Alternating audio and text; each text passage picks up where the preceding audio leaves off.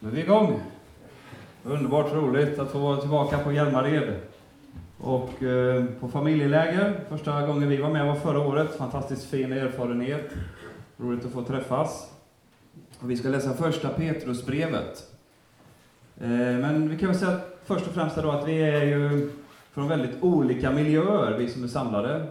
Olika församlingar och olika familjesituationer. Eh, och eh, vi mår ganska olika.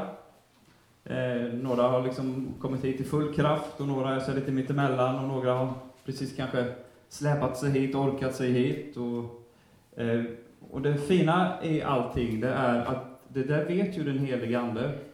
Det är liksom ingen nyhet för honom när vi kommer hit. Ja, är det så med dig?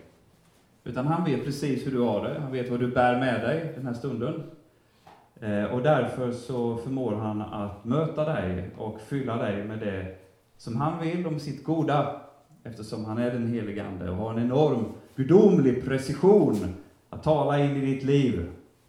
Halleluja för det. Eh, och det andra jag vill säga när vi drar igång med texten, eller med första Petrus, det är att just denna sak som vi gör den här stunden är en enorm förmån. Att få stanna till och läsa Guds ord. Vi bor dessutom i ett fritt land, där vi får göra det utan att någon kommer in och hämtar mig här. Kanske någon lägerledare som gör snart, men eh, annars, eh, alltså vi, vi lever i ett fritt land och vi tackar Gud för det. Eh, och eh, det händer alltid någonting, och Berit var inne på det igår kväll, alltså så fort vi öppnar Bibeln och börjar läsa så handlar Gud med oss. Han gör någonting med oss eftersom det är ett levande ord. Eh, det, därför är det en välsignelse att bara vara inför ordet du behöver faktiskt inte komma ihåg någonting av det här som sägs idag. Eh, så, eh, alltså Jonas sa igår i inledningen här att på bibelstudiet kan man slappna av lite här och luta sig tillbaks. Eh, så gör du det om du vill. Men det är alltså miljön som gör att vi är inför Guds ord och, och så att säga badar i det, är här tillsammans, som blir, som blir välsignat. Sen är det klart väldigt bra att vi har med oss någonting också. Man kan ju till och med ta med sig Bibeln hem och läsa och bli påmind och så, men förstår du vad jag menar? Att få vara inför Guds ord. I, i Israel finns det till och med de som eh, eh, får lön av staten för att bara läsa Guds ord och studera ordet. Inte helt okontroversiellt i landet eh, där, eh, det vet jag, men det är bara liksom lite aha-upplevelse. Man får till och med avstå militärtjänst just bara för att läsa ordet, studera ordet kan man höra när man går på gatan. Eh, ska vi se om det hörs när de går utanför här, att vi studerar. Saltaren 119, 89, bara som inledning här. Saltaren 119 är den långa saltasalmen som handlar om tacksägelsen över att vi har Guds ord, att vi har fått Bibeln. Saltaren 119, vers 89. För evigt, Herre, står ditt ord fast i himlen. Från släkte till släkte varar din trofasthet. Du har grundat jorden och den består. Enligt dina domslut består den än idag, ty allting måste tjäna dig. Om inte din undervisning varit min glädje, hade jag förgåtts i mitt elände. Jag ska aldrig glömma dina befallningar, ty genom dem håller du mig vid liv. För evigt, Herre, står ditt ord fast i himmelen är väl ett underbart löfte att få gå in med. Då får vi liksom lite motivation också till att hänga med en stund här när vi går in i första Petrus. För evigt, Herre, står ditt ord fast i himmelen. Första Petrusbrevet, lilla brevet i slutet av Bibeln, i slutet av Nya Testamentet. Det är eh, urkyrkans samstämmiga röst att det är Petrus som har skrivit det, aposteln Petrus. Och första Petrusbrevet har inte varit omtvistat. Eh, ni vet, Nya Testamentet, det var inte så att det bara damp ner en, en onsdag på jorden och sen hade vi det där, utan det är ju en process. En samman, det har tagit en tid för, för kyrkan att sammanställa. Eh, är någon som vågar sig på en gissning ungefär hur lång tid det tog? Alltså att eh, från den första författaren i Nya Testamentet började skriva till den sista författaren satte punkt. Hur lång tidsprocess har vi då? Här kan man gissa, det gör inget. 50 år var väl en ganska bra gissning. Det är ja, kanske 60, någonting sånt. 60 år. eh, ja, forskarna vet ju inte riktigt. Gamla testamentet då, hur lång tillkomsttid, tillkomsttid har vi där? Ja, ungefär tusen år. Så det är lite skillnad. Och sen Nya Testamentet, när böckerna fastställs av kyrkan, alltså de här böckerna, säger kyrkan, är Guds ord, inspirerat av den helige Ande till sitt folk. Och dessa böcker är inte det. De kanske är nyttiga och bra och så, men de är inte Guds ord till oss. Då är framme 325, kyrkomötet i Nicea. Så det är en process, det är alltså kyrkan som, eh, som stadfäster vad som är Eh, kanon, kallas det, Nya Testamentets innehåll. Och det görs ju efter den tro som kyrkan har. Alltså den apostoliska trosbekännelse, det här är den kristna tron. Eh, vad stöder den tron? Är med? Men det är givetvis sån, och det fanns vissa kriterier då för vissa texter som skulle komma in i Nya Testamentet. Först och främst så skulle de ha ett apostoliskt ursprung. Det skulle finnas en koppling ifrån bibelboken, tydligt rakt tillbaka till någon av Jesu apostlar. Plus Paulus då, som också var apostel, men lite eftertida. Och sen skulle den vara känd i alla församlingar. Den skulle läsas varje, i, i alla församlingar. Och den skulle vara efterlevd. Den skulle betyda någonting. Det var sådana kriterier som kyrkan hade. Och där i första Petrusbrevet har det aldrig egentligen varit någon diskussion om, vad jag kunde sett i alla fall i materialet. Den första Petrus har, har, ständigt, har varit med och känt och trott i hela kyrkan. Lite mer diskussion har det varit kring andra Petrusbrevet, men som också togs med sedan. Den första Petrus är känt sedan tidigt. Det citeras redan på början av hundratalet av en, av en, eh, en av kyrkofäderna bland annat, som heter Polycarpos, hundratal. Då finns det då tvivel på att Petrus kan vara författaren, eftersom det är så lärd grekiska. Det är så fin grekiska, och det kan inte den olärde fiskaren ifrån Galileen ha, ha åstadkommit. Eh, och visst var Petrus olärd, men samtidigt så Alltså han var ju olärd i den meningen att han inte var skriftlärd. Men han var ju, han talade ju arameiska då och eh, troligtvis också kanske lite grekiska. Han bor precis vid en, en, en motsvarande motorväg, det är full fart och ös hela dagen, eh, där Petrus bor. Så Petrus kanske också talar lite grekiska. Hans vän Jakob, som är ledare i församlingen i Jerusalem, läser Bibeln på grekiska, den grekiska översättningen. Ja, det finns sådana där olika eh, punkter som stöder att Petrus mycket väl kan ha varit författare eh, till första Petrusbrevet, trots att han inte var lärd i den meningen. Och dessutom, om man inte tycker att det räcker, så kan det ju faktiskt vara så att det inte är Petrus själv som har hållit i pennan. Då börjar vi med, och så läser vi på slutet av Petrusbrevet, första Petrus 5. 5 och 12. Med hjälp av Silvanus, som jag håller för en trofast broder, skriver jag kortfattat till er för, för att förmana er och vittna om att detta är Guds sanna nåd. Stå fasta i den. Med hjälp av Silvanus. Det är alltså Silvanus som hjälper honom att skriva. Är det Silvanus som sitter bredvid och säger skriv så här? Är det Silvanus som rättar till de grammatiska felen? Eller är det till och med Silvanus som skriver och Petrus går och dikterar? Skriv nu så här. Ja, det kan mycket väl vara så.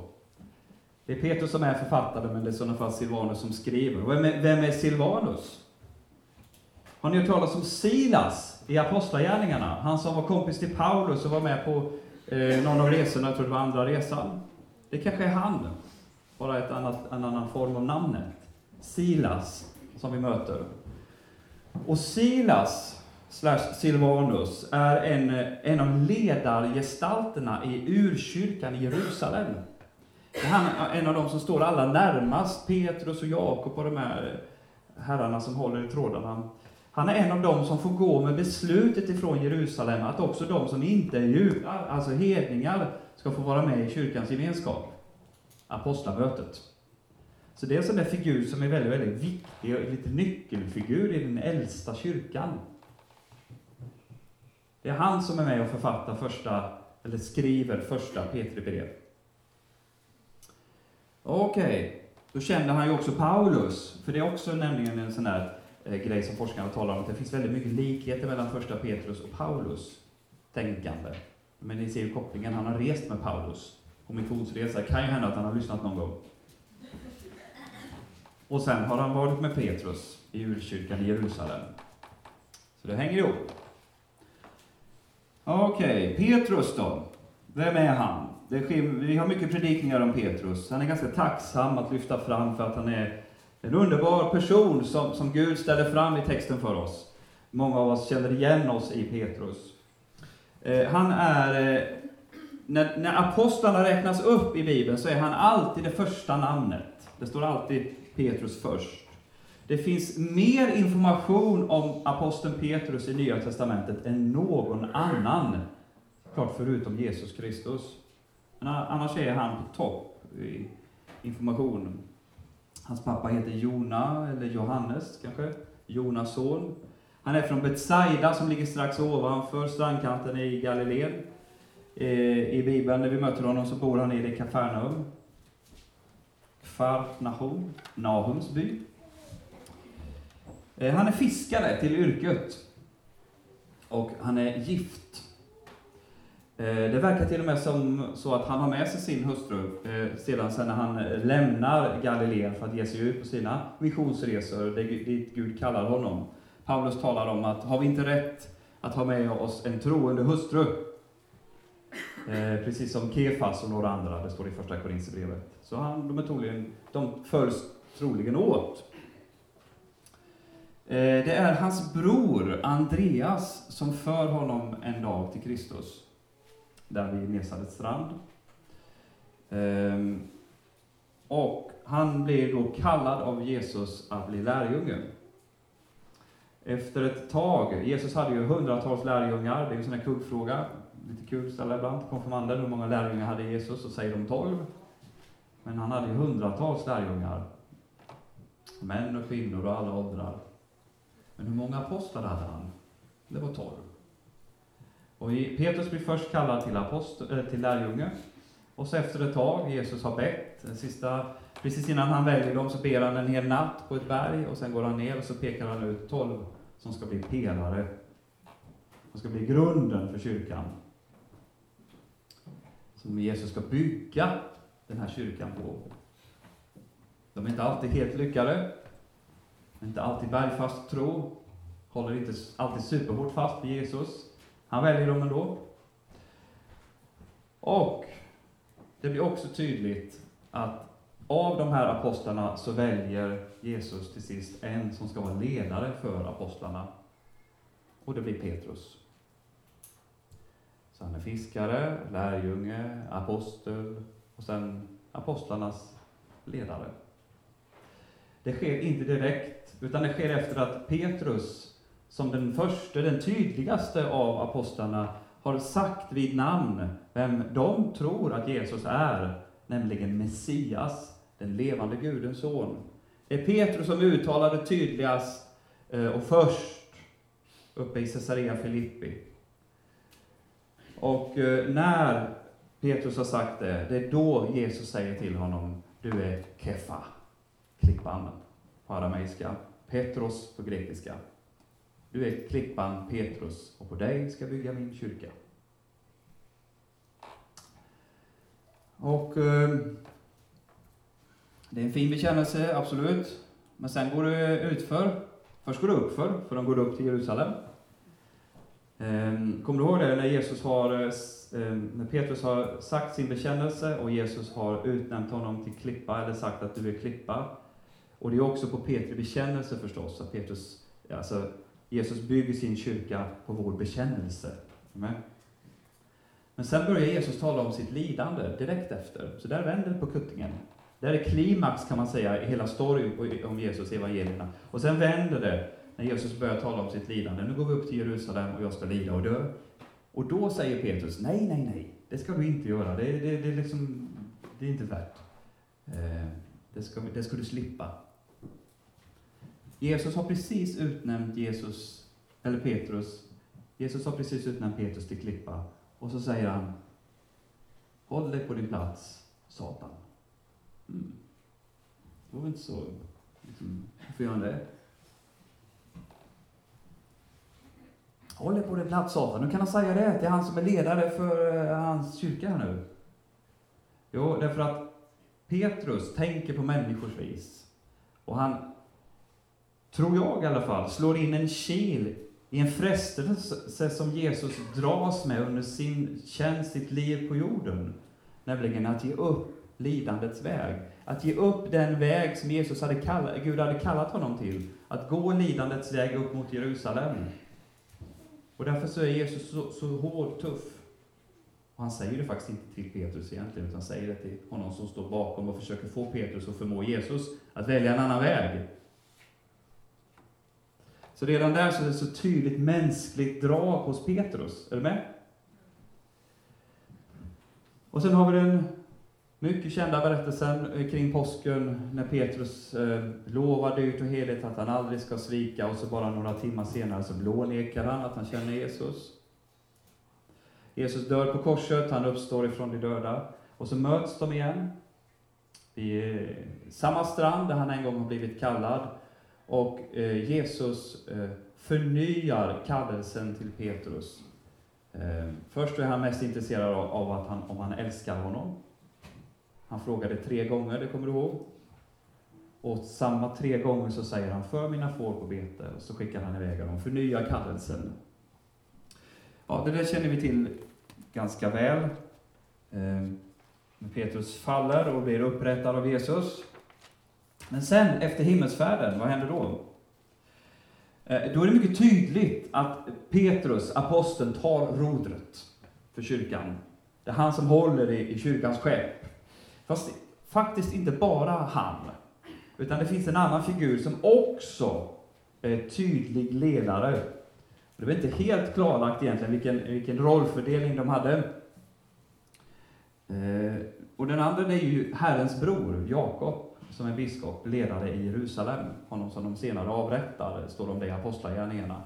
Så ehm, Jakob och Petrus tillsammans men det är ändå Petrus som står först i alla apostlalängder. Det är Petrus som på pingstdagen, när den helige Ande för första gången faller över kyrkan samfällt. Det är då det är Petrus som stiger fram och har kyrkans första predikan. Den där som eh, leder till att 3000 människor omvänder sig och blir döpta där i eh, reningsbaden kring Jerusalem, upp till templet. Fantastiskt. Det är också Petrus som tar initiativ till en efterträdare till Judas. Judas lever inte längre vid det här laget, men de ska vara tolv, eftersom de ska påminna om kyrkan som det nya Israel. Eh, Israels tolv stammar och kyrkans tolv apostlar. Så han, han tar initiativ, då måste vi välja någon. Och så eh, är det ju två eh, snubbar det handlar om, kommer ni ihåg? Och så drar de lott. Och lotten föll på Mattias. Vet ni något mer om Mattias? Nej, det står ingenting mer om Mattias. Vi har ingen aning om vad han tog vägen. I alla fall står det inte det i Bibeln, men han, han blev apostel. Okej, okay, Petrus gör mirakler eh, och eh, det är också han som är med när den helige Ande faller för första gången över icke-judar.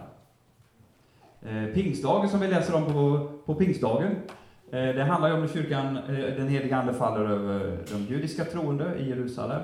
Men sen har vi händelsen vid Cornelius hus i Caesarea, Apostlagärningarna 10. Det är ju första gången de som är vi, icke-judar, få del av den heliga Ande. Det är våran pingst.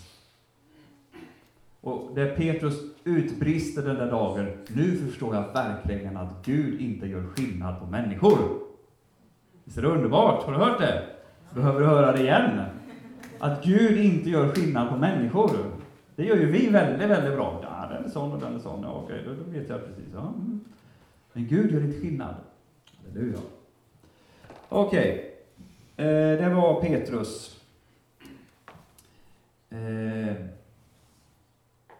det står i slutet av Petri brev, vi kan väl, har, ni, har ni kvar där, har ni, var det är skrivet ifrån? Det är vers 13 i kapitel 5.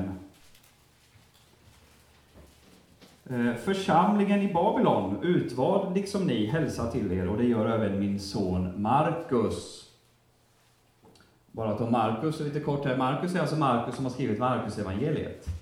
Och vill du läsa Jesu liv, händelserna i Jesu liv ur Petrus ögon, så ska du läsa Markus evangeliet. För Markus var troligtvis Petrus andlige, Petrus kanske till och med döpt honom, alltså eh, Petrus andlige son. Och Markus skriver berättelsen om Jesus ur Petri ögon. Eh, och han är tydligen med Petrus här i Babylon. Men vad är det för Babylon? Eh, det allra mest troliga, och där är kommentarerna helt samstämmiga, det är att det är Rom. Ett täcknamn för Rom. För om brevet skulle komma i felaktiga händer så eh, vill han inte röja sina vänner i Rom, utan därför skriver han Babylon. Varför skriver han Babylon och inte Finspång? Eller varför väljer han just Babylon? Det är väldigt konstigt. Men Babylon är ju känt i Bibeln just för sin avgudadyrkan och eh, bortvändhet ifrån Gud. Och när Petrus skriver sitt brev så är det en, en ganska tuff period för kyrkan, vi ska återkomma till det. Eh, det finns mycket avgudadyrkan i Rom och så vidare. Så det allra troligaste är att han är tecknaren för Rom i en tid av förföljelse. Petrus är nämligen i Rom under slutet av sitt liv. Eh, och eh, det troliga är att han intar någon form av ledarposition, kanske inte bara någon form, utan han, han är ledaren för de kristna i Rom. Rom har vid denna tid en galen kejsare, märkligt händer då och då. Han heter Nero. Han är Nero. Eh, han eh, får ganska dåliga opinionssiffror. Och då tänder han eld på Rom. Och sen eh, skyller han på de kristna. Judarna också, åkte, åkte också med. Och sen eh, startar en massiv förföljelse av de kristna. Eh, och eh, det finns ju återgivet något i Apostlagärningarna om förföljelse som drar igång när Stefanos har blivit stenad. Kommer du ihåg den berättelsen? Kyrkans första martyr. Då, då skingras de kristna. Eh, det här är den andra stora förföljelsen eh, som drar igång och det är verkligen på allvar. Det är väldigt många kristna som dödas i Rom. Det berättas i kyrkohistorien om hur kejsar Nero hade eh, kors i sin trädgård med korsfästa kristna eh, som brann. De lyste upp på kvällarna när han hade fest i sin trädgård. Eh, det är i den tiden vi rör oss när Petrus eh, skriver sitt första brev. Eh, det som är lite speciellt då är att det finns inga direkta indicier på att den här förföljelsen spreds över hela romarriket. Utan det, är kanske så att den är främst lokalt eh, förankrad i Rom eh, med omnejd. Det är där förföljelsen är som tuffast. Och sen kunde det vara lite olika hur de här provinsguvernörerna, alltså motsvarande Pontus Pilatus, i de olika provinserna, hur de nappade på det här förföljelseiven eller sånt som kom. Det kunde vara ganska olika. Ehm, det, det troliga, och också brevets innehåll, första Petrus, är att de som Petrus skriver till är inte utsatta för samma hårda typ av förföljelse eh, och lidande som de i Rom, men att det är i antågande. Är du med? Det är liksom i vardande. Så här kan det vara, och eftersom eh, de var helt despotiska, de här kejsarna, så berodde det ju helt på nästan dagsformen, eller vad de fick för sig. Eh, om vi går och det här är kring 60. Och om vi går 30 år senare, omkring 90, då blev det allvar. Och då är jag övertygad om att de kristna som fick det här brevet av, Petrus hade enorm hjälp, och deras anhöriga och efterlevande, av att Petrus hade skrivit det, för då var det på allvar överallt i, i de här områdena. För då, då fanns en kejsare som hette Diocletianus, som trodde att han var Gud. Olika defekter vi har. Eh, och han han gav order om att alla skulle offra till hans bild, tända rökelsekorn. Och gjorde man inte det så var det finito. Så enkelt var det. Vilket de kristna vägrade, eftersom de sa att Jesus är det, bara han. Då dog de, för att de vägrade tända ett rökelsekorn. De dog för att de vägrade tända ett rökelsekorn. Men det var omkring 90 då. Nu är vi på 60 talet. Och eh, den här förföljelsen som Nero sätter igång, 64-65 efter Kristi födelse. Där avrättas både Paulus och Petrus. Och Peterskyrkan i Rom, har ni varit där någon? Det är kul att se hur många har varit där. Oj, det är många. Vi reser mycket i Sweden. Ja. Det, det är en fin kyrka. Eh, man behöver inte tänka på att den är byggd på avlatspengar när man är där, det är inte lika roligt. Eh, jag, jag, slås ändå av det när jag, när jag kommer dit eh, och tänker mycket på Petrus. Har man tur och kommer ner i kryptan så kan man ju se några millimeter av vita skelettbitar där inne som, som forskare eh, menar är mycket, mycket troligt är Petri ben. Det är faktiskt så. Men de ligger där nere och över sig eh, så är det det här högaltaret och så den här stora, heter det baldakin? De här. Ja, det som är över. Och sen ovanför där så reser sig världens högsta kupol av Michelangelo, 154 meter. Och så står de här bokstäverna, flera meter höga, stora bokstäver. Du är Petrus, och på dig ska jag bygga min kyrka, och dödsrikets portar ska aldrig få makt över dig. Det är ju ganska mäktigt, jag kan inte låta bli att tycka det. Och så börjar det med fiskaren i Kafarnaum. Okej. Okay. Är ni vakna? Eh, vad är det för tema på första Petrusbrevet? Eh, det är framförallt två temata, säger man, plural. Det första är att det handlar om den oundvikliga förföljelsen, lidandet som följer på dopet och bekännelsen till Jesus. Oundvikliga, alltså inte det är ingenting man väljer eller så, utan det kommer. Som när man skulle väljas till biskop i urkyrkan så var det ju inte om man skulle bli martyr, utan när. Det var löftena man hade. Den oundvikliga förföljelsen och lidandet som följer på dopet och bekännelsen. Den andra tanken i första Petrus som, som lyfts fram är tanken på ett nytt heligt liv till vilken den döptes har invigts. Ett nytt och heligt liv. Så lidande och helgelse skulle man kunna säga att det handlar om. Det är en uppmuntran till att mitt i en fientlig och hotfull miljö inte förlora hoppet, inte bli bitter, förtrösta på Herren. Vänta på hans återkomst. Jag tänkte på sådana här, eh, nu får ni hjälpa mig, på Instagram när det är sånt här kors, det heter hashtag va? Gör det? Ja, om man skulle göra hashtag på första Petrus, så skulle det bli hopp, härlighet, ödmjukhet, tålamod, lidande, lida. Ungefär så. Låter det bra? Muntrande? Okej, okay, då åker vi. Då går vi in i texten. Första Petrus 1 och 1. Och eh, då gör jag lite olika. Ibland stannar jag mycket på några verser, ibland får vi hoppa lite och så. Vi ska ju inte vara här till jul, utan vi åker hem några dagar.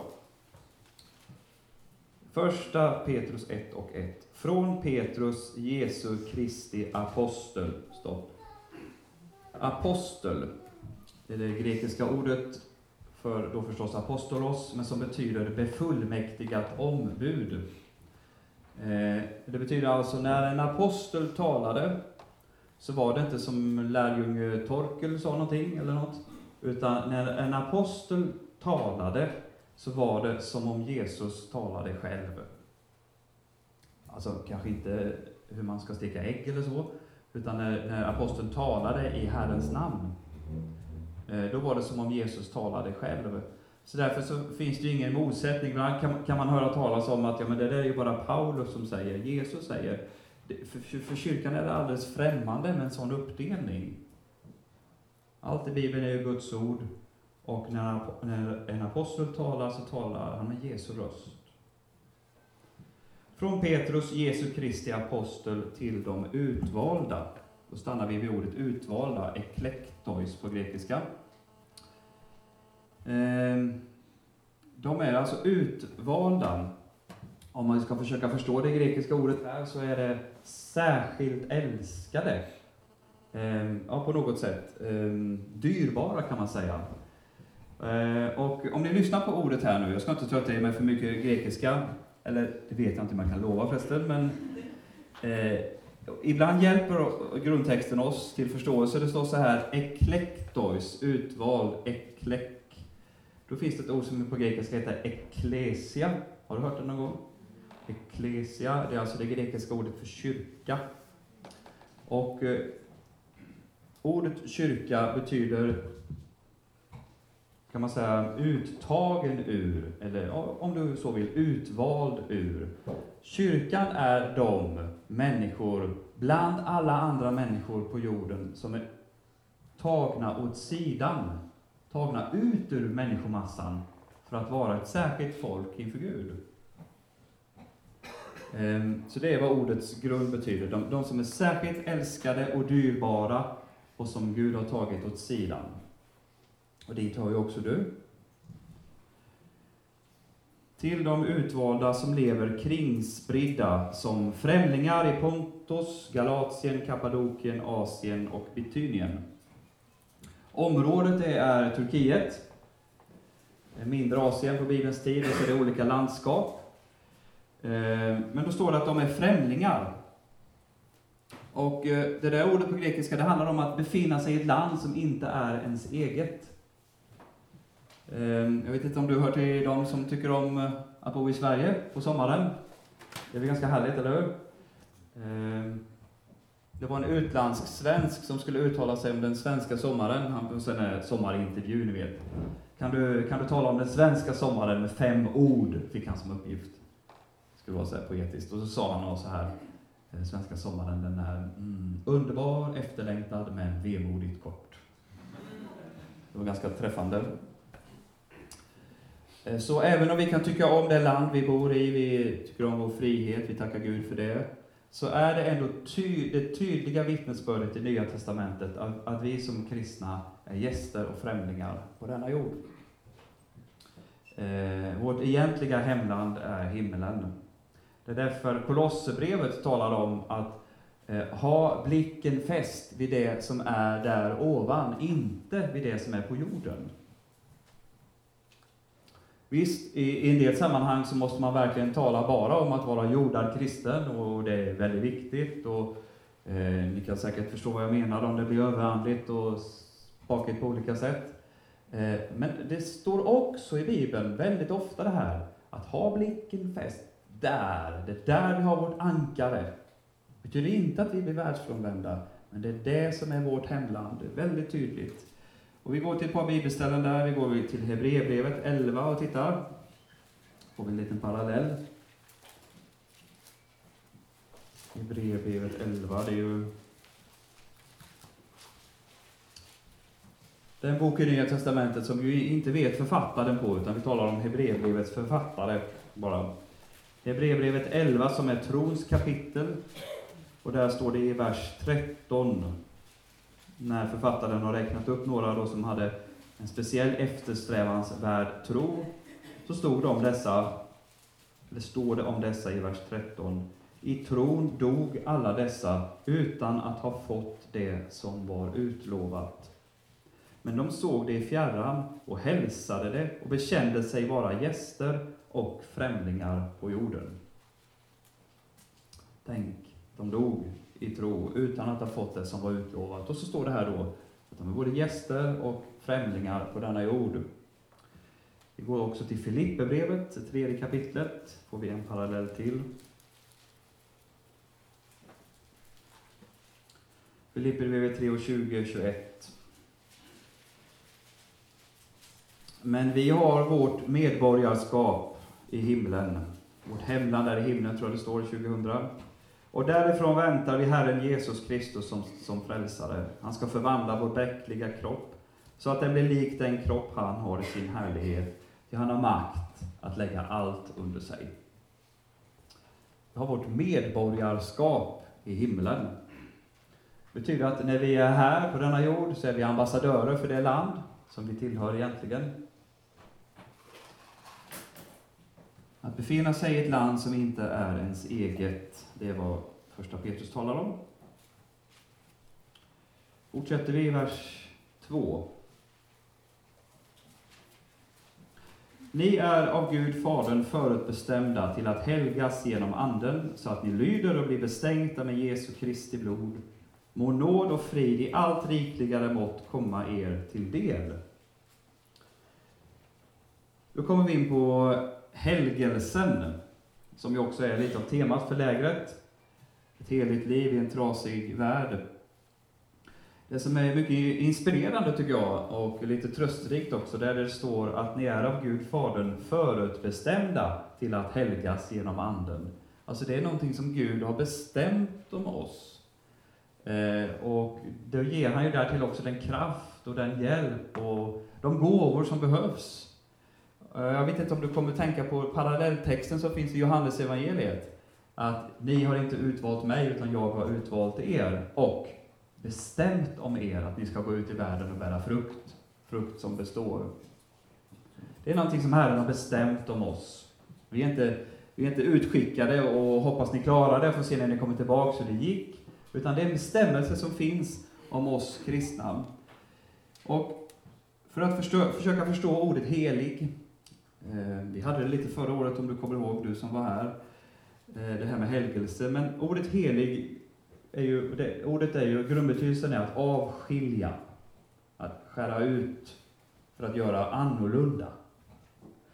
Så eh, grundbetydelsen kan man säga att det är att vi är bestämda till att vara annorlunda. Jag tänker på det ibland, hur, hur ofta vi, man kan höra kristna som säger att de är så glada för att de har varit ute bland folk och folk tycker att de, de verkar tycka att jag är som vem som helst. Det var värdigt. Ja, jag går och pratar med dig som är präst. Du är ju som vem som helst, säger de. Ja, tycker man det är lite kul en stund och sen funderar man på, ja, jag förstår vad de menar, kanske. Eh, men förstår ni vad jag menar? Det, det, är klart att vi ska vara vi ska vara trevliga och sociala och vi ska inte vara fanatiska. Vi ska vara i världen som vi är satta i att vara i. Så vi ska också vara annorlunda. För all sin dag, det är ju det som är poängen. Och det kan vi inte krampaktigt liksom bara göra, utan det är någonting som sker. Och den bästa bilden tycker jag väl, det är väl kanske den som vi fick höra igår kväll. Eh, med att ta doft av Jesus, och den doften sprids.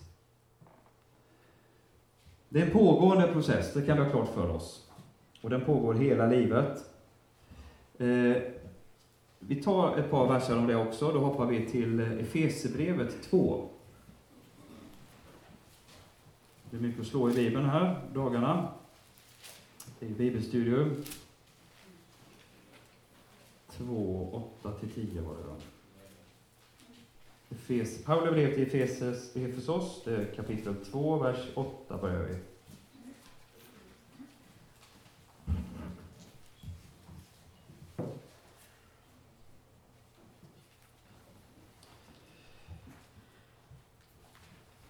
Ty, ty av nåden är ni frälsta genom tron, inte av er själva. Guds gåva är det, inte på grund av gärningar, för att ingen ska kunna berömma sig. Ty hans verk är vi, skapade i Kristus Jesus till goda gärningar, som Gud har förberett, så att vi ska vandra i dem. Underbart! Och det som är så underbart här är att det börjar med nåden. Och vi behöver nog, tror jag, nästan alltid bli påminda om nåden. när Vi ska tala om helgelse och att gå med Gud och leva för honom. Att det är inte på grund av oss. Ingen ska kunna berömma sig. Men så finns det gärningar, det finns ett liv i ljuset som är förberett för oss. Hans verk är vi skapade i Kristus till goda gärningar som han har förberett för att vi ska vandra i dem. Vi är befriade från det gamla livet för att vandra på ett nytt sätt, nytt liv. Eh, vi kan ta eh, en underbar parallell till detta, eh, Andra Mosebok. Andra Mosebok 34. Om, om det står att vi är av Anden förutbestämda till ett heligt liv, så, så vill man ju ändå på något sätt eh, man vill ju märka av det. När, alltså när, hur ser jag det? Hur ser jag att det lyckas då? Hur ser jag att jag blir helgad? Ungefär som när du är ute och springer. Du kan ju se att minuttiden går upp, eller ibland ner. Eh, jag tränar och vi ser resultaten. Mm. Hur är det med helgelsen? Då har vi Mose, vår vän. Han är på berget. Och han har talat med Gud, han har varit inför Gud.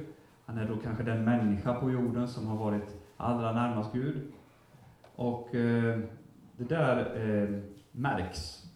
Vers 29 i kapitel 34. När Mose sedan steg ner från Sinai berg och på vägen ner hade med sig vittnesbördets båda tavlor visste han inte att hans ansiktes hy strålade därför att han hade talat med Herren. Han lyser som en strålkastare i öknen, starkare än solen. Han fattar inte, han vet inte. Det där är helgelsen hos en kristen människa. Man märker det inte. Jag är ledsen. Men du kan inte lägga dig på kvällen och känna, ja, vad helgad jag är, underbart. Du kan känna dig nöjd med något du har gjort, att du har hjälpt någon och allt det där. Man kan vara stolt över saker man har klarat av. Inte det. Men just helgelsen. Nu är jag lik Jesus.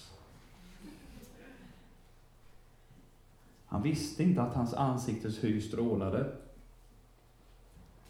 Och därför, mina vänner, våga tro att du strålar.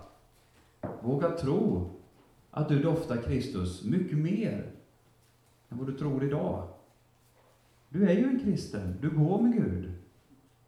Nu är du inför ordet och du går till nattvarden och du ber din enkla bön, aftonbön eller vad du nu gör. Det märks på dig mycket mer än vad du tror. Mycket mer än vad du anar. Mose fattade inte det. Det kan hända att du inte heller fattar det. Är du med? Ja. Då går vi vidare. Se vad vi har för tid. Då står det om eh, hoppet. Vi går in på vers 3. Eller förresten, får, får jag bara kommentera det det står i vers 2, att ni lyder och blir bestänkta med Jesu Kristi blod.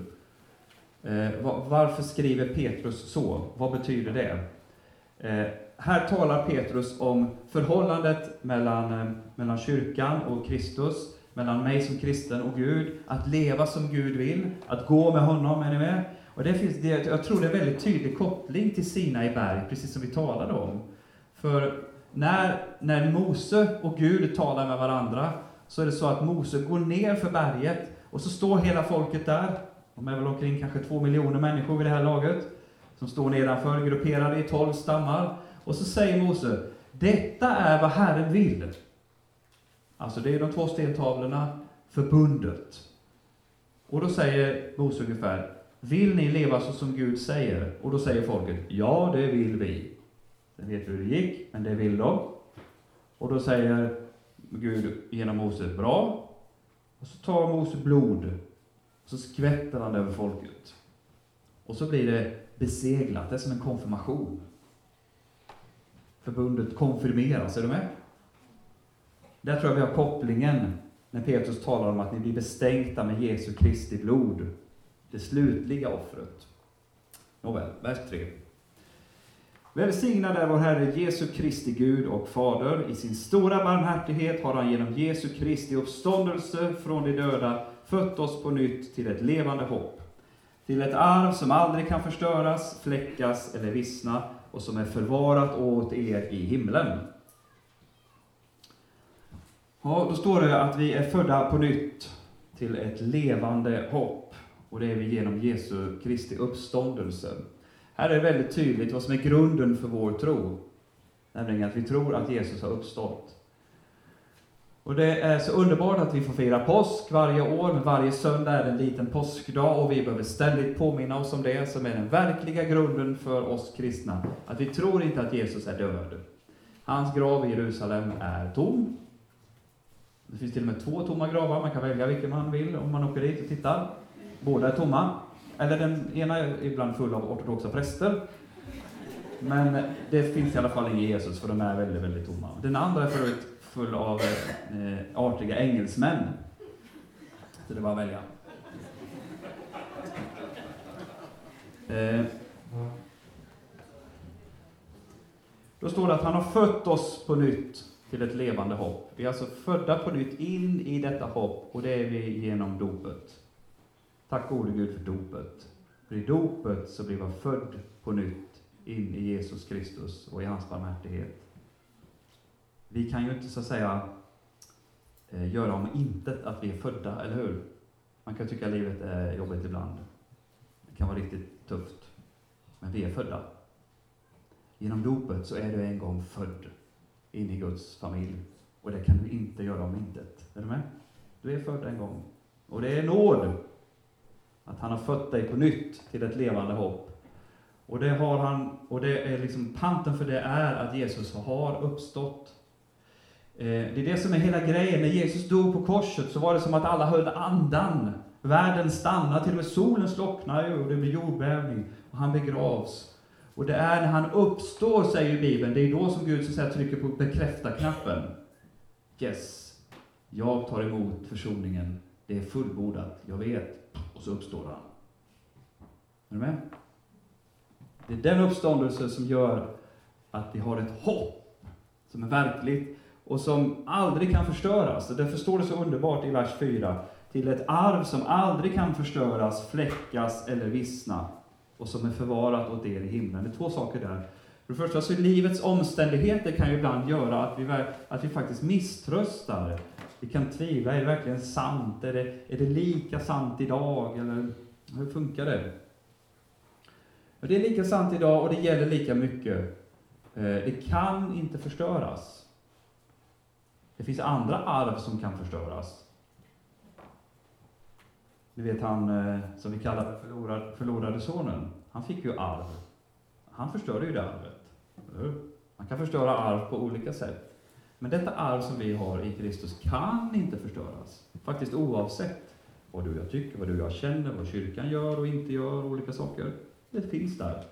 Och som är förvarat åt oss. Det är därför vi ibland kan misströsta, mina vänner, eftersom det mesta av arvet ligger framför. Vi har inte fått det än. Det är förvarat åt oss i himlen, skriver Petrus. Vi kan väl ta, hoppa bara till Hebreerbrevet 11, vers 1, så får vi en fin parallell till det jag nyss sa. Att tron är en övertygelse om det man hoppas, en visshet om det man inte ser. En visshet om det man inte ser. Det hjälper Gud oss med. Han hjälper oss och ger oss en allt stadigare tro. Denna frälsning, nu ska vi se här. Vi fortsätter från vers 5. Med Guds makt blir ni genom tron bevarade till den frälsning som finns beredd och skall uppenbaras i den sista tiden. Eh, kan vi pausa där? För, för det här är ju då mycket tydligt att eh, frälsning är ett väldigt vitt begrepp. Frälsning är att jag idag här under min jordövervandring, under mitt liv här på jorden, får syndernas förlåtelse, blir upprättad på olika sätt. Men frälsning ligger också i framtiden. Här, här betonar faktiskt Petrus det framtida perspektivet. Och då står det i vers 6. Gläd er därför om ni nu en kort tid måste utstå prövningar av olika slag. Äktheten i er tro är långt värdefullare än guld som är förgängligt, fastän det behåller provet i eld. Och den tron ska visa sig bli till lov, pris och ära när Jesus Kristus uppenbarar sig. Vi kommer märka när vi läser första Petrus att det, är, det sticker till ibland, alltså i den meningen att man, eh, man blir lite träffad, i alla fall blir jag när jag läser texten. Eh, det är väldigt mycket imperativ här i Petrus text. Och här får vi ett imperativ som man faktiskt kan haja till för. Gläd er därför om ni nu en kort tid måste utstå prövningar. Hur många är glada i prövningen? Um, inte jag i alla fall. Jag är rätt så vresig och sur. Kan misströsta av olika slag.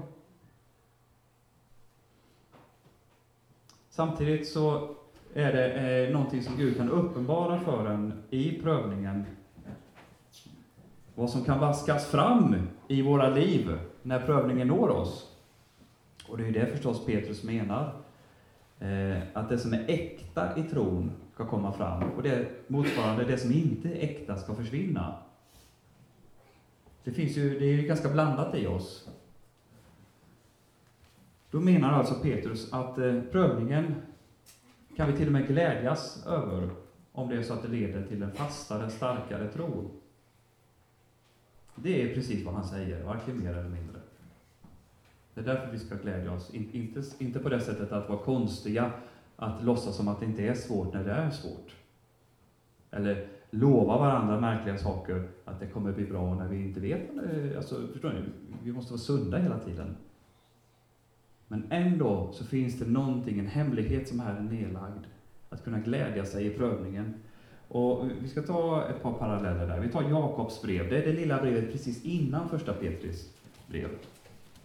Jakob 1 och 2 är det väl Räkna det som den största glädje, mina bröder, när ni råkar ut för alla slags prövningar. Ni vet ju att när er tro sätts på prov så gör prövningen er uthålliga. Det verkar som om Bibelns författare tycker det är väldigt viktigt att vi håller fast vid tron och att tron blir äkta och att den blir fördjupad.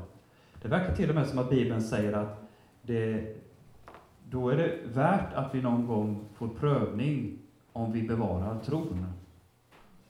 Då måste det betyda att det är väldigt viktigt att bevara tron. Då behöver vi hjälpa varandra att hålla fast vid tron och inte döma varandra som vi ibland gör, eller se snett på varandra, utan istället uppmuntra varandra att bevara tron.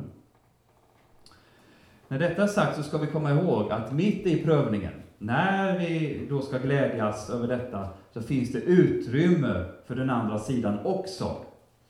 Nämligen klagan och frågorna och ropen inför Herren. Och då kan vi ta till exempel Psaltaren 142. Samma bibel läser vi nu. Psaltaren 142. Det är David som eh, ber, utgjuter sin bön inför Herren. Han sitter och gömmer sig in i grottan. Saul jagar honom.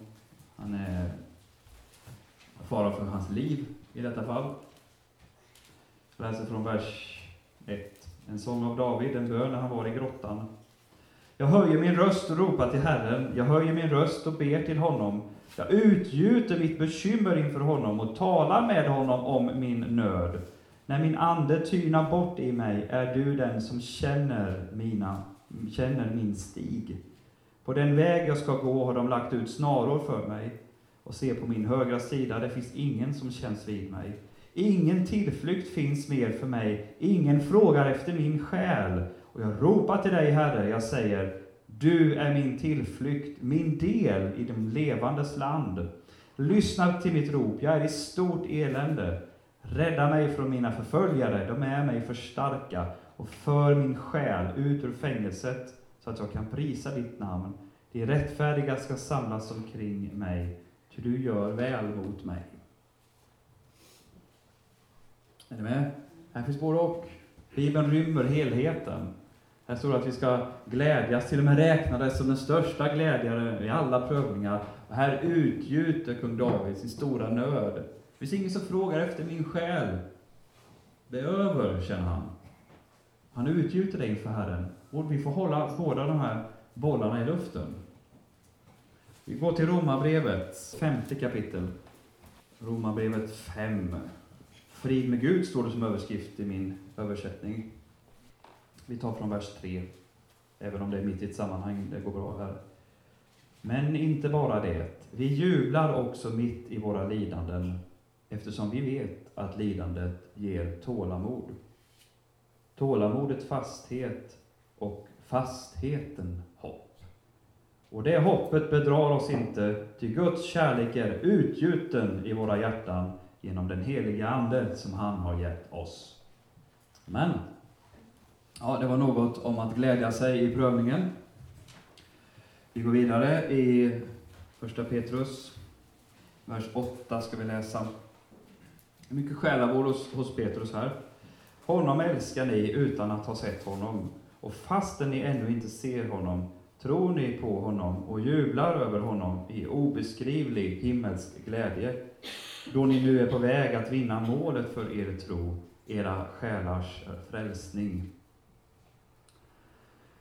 Det är som att det kommer över Petrus lite grann, det här, de han skriver till. Han skriver till de kristna i nuvarande Turkiet, Bibelns mindre Asien. Eh, I princip alla av dem, kanske alla, har aldrig sett Jesus. Bokstavligen. Petrus har vandrat med honom, sovit med honom och ätit med honom i tre år, tre och ett halvt kanske. Det är som att det kommer över honom och han skriver, honom älskar ni utan att ha sett honom. Det är som att han tänker på sig själv, skulle jag klara det? Och är det så att han också möjligtvis tänker på den där händelsen, påskdagen år, kanske 33 efter Kristi födelse. Eller det är faktiskt en vecka efter påsk. Hans gode vän Thomas kunde inte tro att Jesus hade uppstått om inte han fick se honom. Han ville sticka sina fingrar i Jesus sida och hans sår. Och så går det en vecka, det är ju söndagen efter påsk. Och så är de samlade igen och då kommer Jesus i är evangeliets 20 kapitel. Och eh, så fort Jesus kommer in i rummet, kommer du ihåg det? Så är han där och Thomas hinner inte ens öppna munnen. Och Jesus säger till honom, Thomas nu kan du komma hit. Här är jag. Nu kan du ta din hand och så, så sticker du den i min sida här och mina sår. Och Thomas faller ner och ger kanske den starkaste bekännelsen till Jesus i hela Nya Testamentet. Han säger, eh, min Herre och min Gud, säger Thomas, tvivlaren, till Jesus. Och då säger Jesus, ja men du tror, för du har sett. Men saliga de som inte ser, men ändå tror. Det är ett så underbart sammanhang, för han säger det till oss. I alla fall till mig. Jag har inte sett Jesus. Jag försöker tro ändå. Och det är som att det är samma eh, ingivelse som kommer över, över Petrus när han skriver. Honom älskar ni fast ni inte har sett honom. Och så jublar ni, då ni nu är på väg att vinna målet för er tro, era själars räddning. Det finns mycket gott på vägen och Jesus vill välsigna vårt liv här och nu och han vill hjälpa oss på olika sätt. Eh, men målet för tron, det är själens räddning, själens frälsning. Därför så finns det en kamp om människans själ, en kamp i den andliga världen, om dig och mig, om vår själ. Vem vi ska tillhöra, vilket ben vi ska stå på, ska vi vara medvetna om. Men det är målet för vår tro, själens räddning. Okej, vi går till vers 10. Det var denna frälsning som profeterna sökte och forskade efter, de som profeterade om den nåd som ni skulle få. De undersökte vem eller vilken tid Kristi ande i dem visade på, när han förutsade Kristi lidanden och den härlighet som skulle följa. Och det blev uppenbart för dem att det inte var sig själva, utan er de tjänade vid sitt budskap. Detta har nu förkunnats för er genom dem som i den heliga Ande, sänd från himmelen, predikade evangeliet för er, och detta önskar änglarna att få blicka in i. Eh, det är väldigt, det är väldigt tydligt i den judiska miljön eh, på Jesu tid här hur det profetiska ordet lever väldigt starkt. Alltså det, det är i svang att Jesus, Gud har lovat någonting. Eh, och hur har han lovat det? Jo, han har lovat det genom människor av kött och blod, profeter som har uttalat vad Gud vill göra. Och eh, det har varit lite frågor om, är det, är det i nutid eller framtid? Ja, det visste man väl inte riktigt, det är så ibland med det profetiska. Man vet inte när ska det slå in och hur ska det bli och det är lite blandat med mänskligt och gudomligt ja det är väldigt grannlaga ibland. Eh, men i vilket fall, profeterna har sagt vad som ska ske om en gudomlig, underbar frälsning som ligger i framtiden. Och det som kommer över Petrus, det som vi ibland kanske blir då väldigt vana vid att höra och hört ibland, det är att nu är det här. Det som de har lovat under tusen år och mer än det. Nu är det kommit och har landat mitt ibland oss. Och vi får höra det. Det förkunnas nu för er. Det som var sagt, det som skulle komma, det vi väntar på, vänta, vänta, vänta. Nu är det här. Vi kan gå till andra Petrusbrevet. Det är bara några blad framåt kapitel 1. Så stannar vi till vid lite något om det profetiska när det står kapitel 1, vers 19 går vi ifrån. Så mycket fastare står nu det profetiska ordet för oss, och ni gör rätt i att hålla er till det som till ett ljus som lyser på en mörk plats, tills dagen gryr och morgonstjärnan går upp i era hjärtan. Framför allt ska ni veta att ingen profetia i skriften har kommit till genom egen utläggning, ty ingen profetia har burits fram genom någon människas vilja, utan ledda av den helige Ande har människor talat vad de har fått från Gud. Då får vi en god hjälp hur vi ska se på bibelordet, och framförallt det profetiska ordet här. Det är, det är därför det blir så enormt märkligt. Jag kommer ihåg när jag satt i Uppsala och läste teologi, hur, hur man då eh, sa att ja, men, eh, det där måste vara skrivet efter Jerusalems fall, för man skulle aldrig kunna säga det så tydligt om om det var skrivet före, utan det måste vara efter. Och jag förstår tanken ur ett strikt vetenskapligt perspektiv. Men, men ett gudomligt perspektiv, och Bibeln är ju gudomlig, eller hur? Och mänsklig. Så kan det mycket väl vara skrivet innan, eftersom det är Gud som har inspirerat. Det har inte kommit till genom någon mänsklig vilja, det står ju det. Utan ledda av den heliga Ande har människor talat vad de har fått från Gud. Det är därför vi behöver förstå och lyftas upp. Det är därför det är så underbart att komma samman, för vi behöver lyftas upp på lite förklaringsberg. Vi behöver lyftas upp och förstå det gudomliga. Vi är människor och lever i det mänskliga, jajamän, men vi också tillhör det gudomliga. Vi kallar det till ljuset från mörkret. Och lyftas upp för att få det perspektivet, det gudomliga perspektivet. I det här fallet i profetordet. Och det är Petrus glad över. Och man kan säga att det är liksom kvaliteten på frälsningen som han lyfter fram här. Att det var denna frälsning som profeterna sökte och forskade efter. Och nu är den här. Bra, nu kör vi lite till. Vers 13. Ehm, då kommer vi till eh, ett väldigt viktigt ord. Det andra ordet i min översättning, därför. Spänn därför bältet om livet ordet deo på grekiska. Och det där ska ju få oss att haja till då. Jag vet inte om du hajar till nu de sista minuterna på bibelstudiet. Kanske bara tänker Gevalia. Eh, men det, det, det, Petrus har gjort här i början, det är att han har lagt fram eh, grunden för frälsningen. Han har talat om, eh, om den profetiska förutsägelsen, att vi är kallade, att vi är förutbestämda till ett heligt liv. Allt det här, kom ihåg det vi har talat om nu, den här stunden. Och så kommer vi till vers 13. Därför det finns det en konsekvens. Handling och konsekvens jobbar vi med hemma ibland med barnen. Gör ni det också? Gör du så, så blir det så. Om du inte somnar nu så blir du trött imorgon. Jag fattar inte. Jo, det blir du. Det har vi hört så tusen gånger. Ehm, det finns också så en konsekvens för oss Guds barn, eftersom det är så underbart då som Petrus menar här i texten. Så spänn därför bältet om livet och var vakna och sätt ert hopp helt och fullt till den nåd som ska komma till er del när Jesus Kristus uppenbaras. Ja, då får vi fundera lite på vad står det här egentligen. Först står det spänn bältet om livet. Ordagrant skulle man kunna översätta det i grekiskan. Knyt fast era sinnens tankar. Eh, det handlar alltså om att på något sätt vara samlad. Eh, ett nyktert sinne. Eh, stadigt sinne skulle man kunna säga också. Och så står det att ha att vara vakna, det kan man också översätta ha ögonen öppna. Så den första konsekvensen Petrus talar om här, det är att vara ett stadigt sinne och vara lite vaksam. Jag tänker lite på som när man eh, skulle lära sig att köra bil. Eh, så var det väldigt viktigt med periferseendet, kommer du ihåg det? Och det står att man ska vara nykter här. Eh, det, är ju eh, Bibelns bild för att kunna se klart.